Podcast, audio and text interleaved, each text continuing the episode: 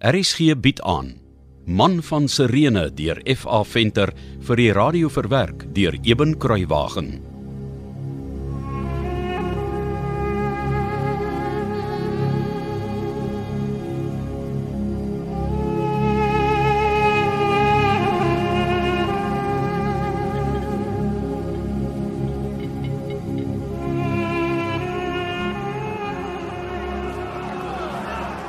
Heilige Jupiter.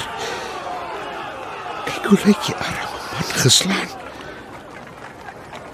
Miskien sal hy gaan lees se aanklaers indien nie die Joodse leiers nie dan immers die skare medely hê met hom. Maar dit hom so bebloed sien. Hulle het stil geword. Ek homo aanskou die mens. Kruisig hom! Kruisig hom! Kruisig hom! Kruisig hom! Kruisig hom! Kruisig hom! As hier Nazarene regtig die Messias was, sou hy hom ons nooit so laat mishandel het nie. Dis net ek gedink het. Hy is maar net 'n doodgewone mens soos ek. Nou goed dan. Neem julle hom dan en kruisig hom. Ek vind geen skuld in hom nie. Volgens ons wet moet hy sterf omdat hy hom voordoen as die seun van God. Kruisig hom! Kruisig hom! Kruisig hom! Die gesig van die gemartelde Nazarene het my meer ontstel as wat ek besef het. Ek voel siek. Hy mag wel 'n leenaar en 'n bedrieger wees. Maar hy is nie 'n strykrower en 'n moordenaar soos Barabbas nie. Hy's sommer 'n Jood soos ek. En hy het se Romein het hom so mishandel. Ek moet hier wegkom. Ek voel vasgekeer tussen al hierdie bloeddorstigheid. Ek soek nou net stilte. Stilte en rus. Hoofman oor 100. Laat die soldate die Galileer na die saal toe neem. Ek wil 'n laaste keer met hom praat.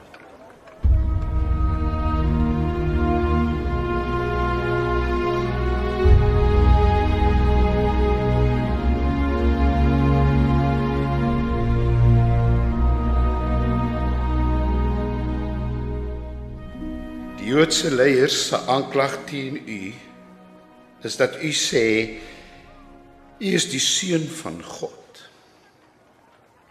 Waar is u vandaan? Gaan u nie met my praat nie. Weet u nie ek het die mag om u te kruisig en die mag om u los te laat nie? U sou geen gesag oor my gehad het as dit nie van bo aan u gegee was nie. Daarom het hy wat my aan u oorgelewer het, groter skuld. Ek het die stryd verloor. Ek besef dit nou. Nie teen die miserabele Jode nie. Maar teen 'n mag wat die man na my gestuur het om te doen wat gedoen moes word. Ons is klaar hier. Dit is tyd.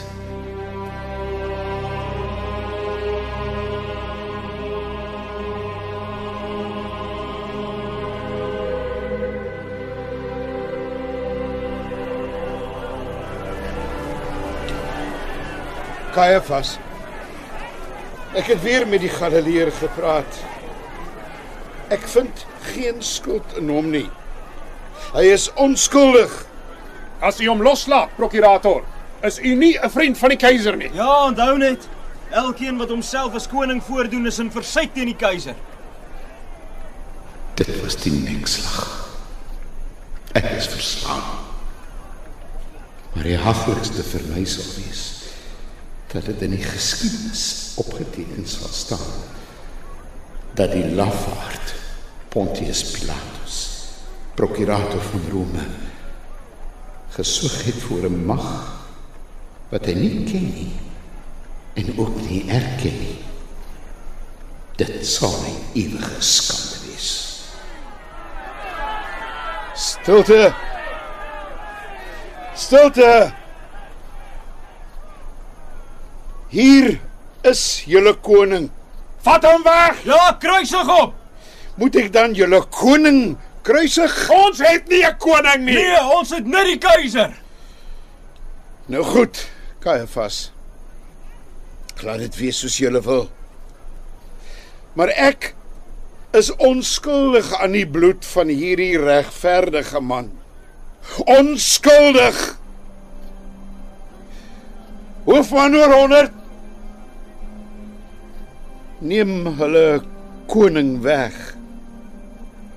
Gaan kruisig.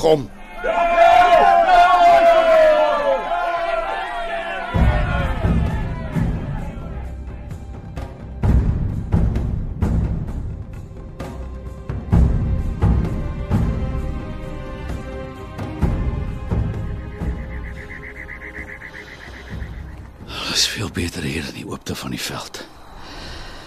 Die afgelope tyd was vir my net een te veel. Mis my mense. Veral Deborah.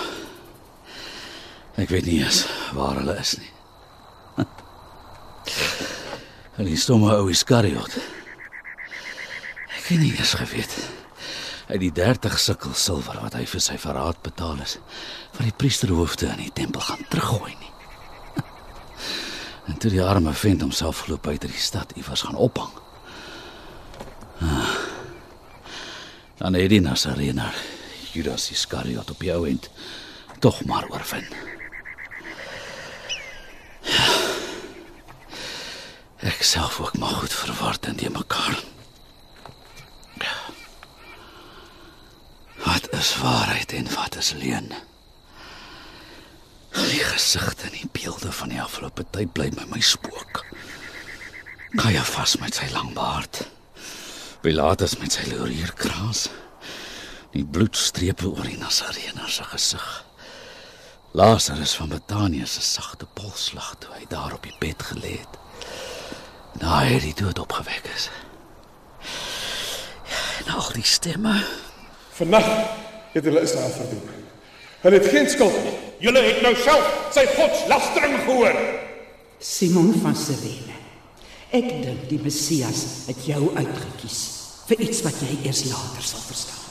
Ek vind geen skuld in hom nie. Ek weet nou, sonder enige twyfel in my hart, hy is die verlosser van Israel. Jy moet my glo. Betaal aan die keiser wat die keiser toekom en aan God wat God toekom. Ek weet nie meer wat ek moet glo nie. Heer God van Abraham, Isak en Jakob, wat is waar? Ah. Daar sit 'n herder onder 'n terpentynboom. Vrede vir jou, vriend. Vrede vir jou, vriend. Kom gerus nader. Ek soek jy's na 'n bietjie geselskap. Maar waar is jy, vriend? Ag, ek bly maar hier in die heuwels rondom Jerusalem. Ek het my skape kom water gee by die fontein na onder en uh so waar kom jy vandaan? Jy lyk of jy moeg is.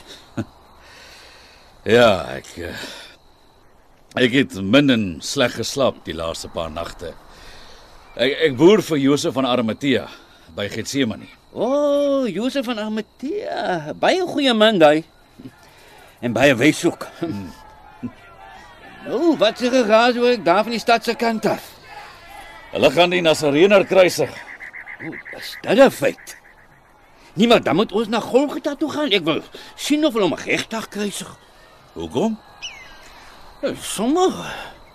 Weet jy of hulle die Nasareëner toe skuldig bevind het? Ja, ek was by die verhoor. Ja, dan gaan die man wat gesê het hy kan die tempel afbreek en in 3 dae weer opbou. Daar die Romeinse penne deur sy polse kry. Toe, kom ons stap aan. En jou skape? Maar jy kan mos sien. Hulle wy, hulle is gelukkig. Buitendien dis nou nie dat ek die hele dag en nag gaan weg wees nie. Ek wil net sien of hulle die Nansreëner regtig kruisig. Dis al. Kom ons loop. Het hy het hy regtig gesê hy kan die tempel afbreek en in 3 dae weer opbou Ja, so dit gehoor. met jou eie ore? Nee, maar ek het van 'n heel paar mense dieselfde storie gehoor. So, as dit seker waar, Dan het hy as enige het gesê. Die tempel van Israel. Die tempel waarin die verbondsark van die God van Abraham, Isak en Jakob staan. Daardie tempel. Ja. Nou van watter ander tempels weet jy dan? Nou maar hoe durf die man so iets sê? Ag, toe maar. Kyk net daar hoe blink die koepel in die oggendson, hè? Daar staan ons tempel nog. Hm. Hoe lank het Salomo nou weer aan die tempel gebou? Was dit was dit 7 jaar of langer? Nee, 7 jaar. Ja, en, en dan wou ons profeet dit in 3 dae bou. Sommige net weer bogpraatjies soos die meeste van sy praatjies. Maar sê nou net. Sê nou maar net die Nasareëner is regtig die verlosser. Hm? Wat dan? nou maar uh, hoe lyk dit dan vir my jy hink op twee gedagtes? Hm? Moenie vir my sê die Nasareëner het jou kop ook die mekaar gepraat nie. Weet jy? Nee, Natuurlik nie.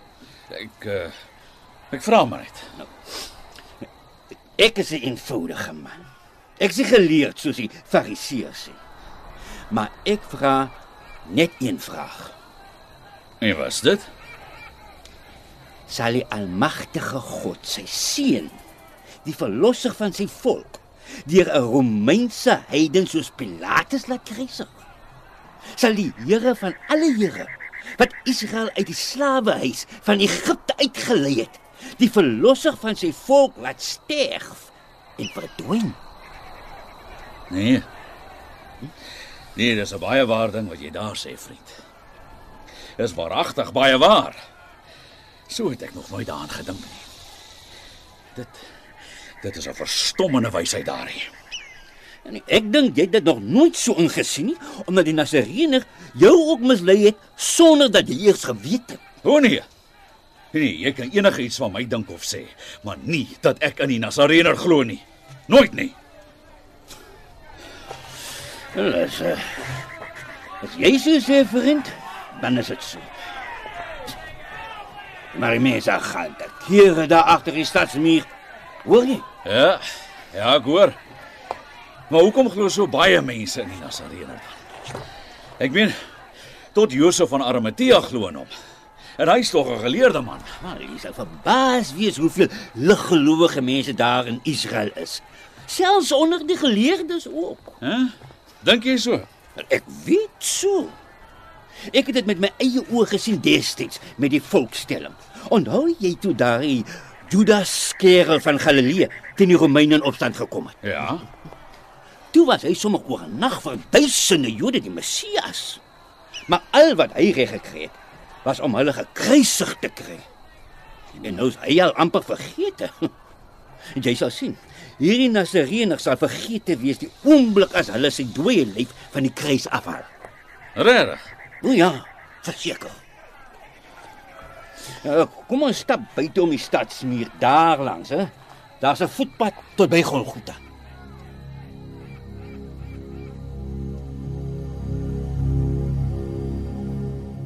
RSG se middagvervolgverhaal Man van Sirene deur F.A. Venter is vir die eerste keer in 1957 uitgegee en is in 2016 heruitgegee deur Lux Verbi. Die produksie word akoesties beheer deur Cassie Lauis en die verhaal word in Kaapstad opgevoer onder regie van Joni Combrink.